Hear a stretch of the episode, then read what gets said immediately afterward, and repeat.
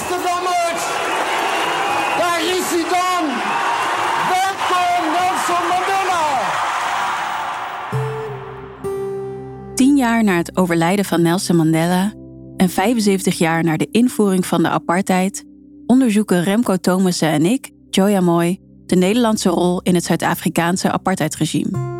Maar midden in de preek zeiden ja, en Shell moet ook weg uit Zuid-Afrika, hè, broeder Willems. Ik stond op, ik zei, dominee, eh, u bent gevraagd om de Bijbel uit te leggen... en niet uw meningen over Zuid-Afrika te, te geven. Welke positie nam Nederland in?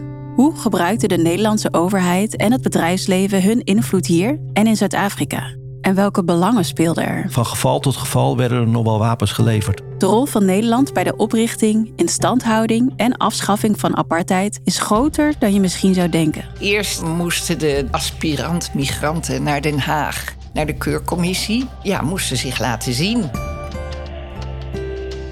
Toen liepen we daar rond en zagen we een eh, tweedehands winkel, antiquariaat. En daarvoor vonden we heel veel ja, bijzondere documenten en materialen. Ik heb eentje hier liggen. Nederland en de apartheid. Een podcast van Max en NPO Luister. Beluister hem nu via de NPO Luister app.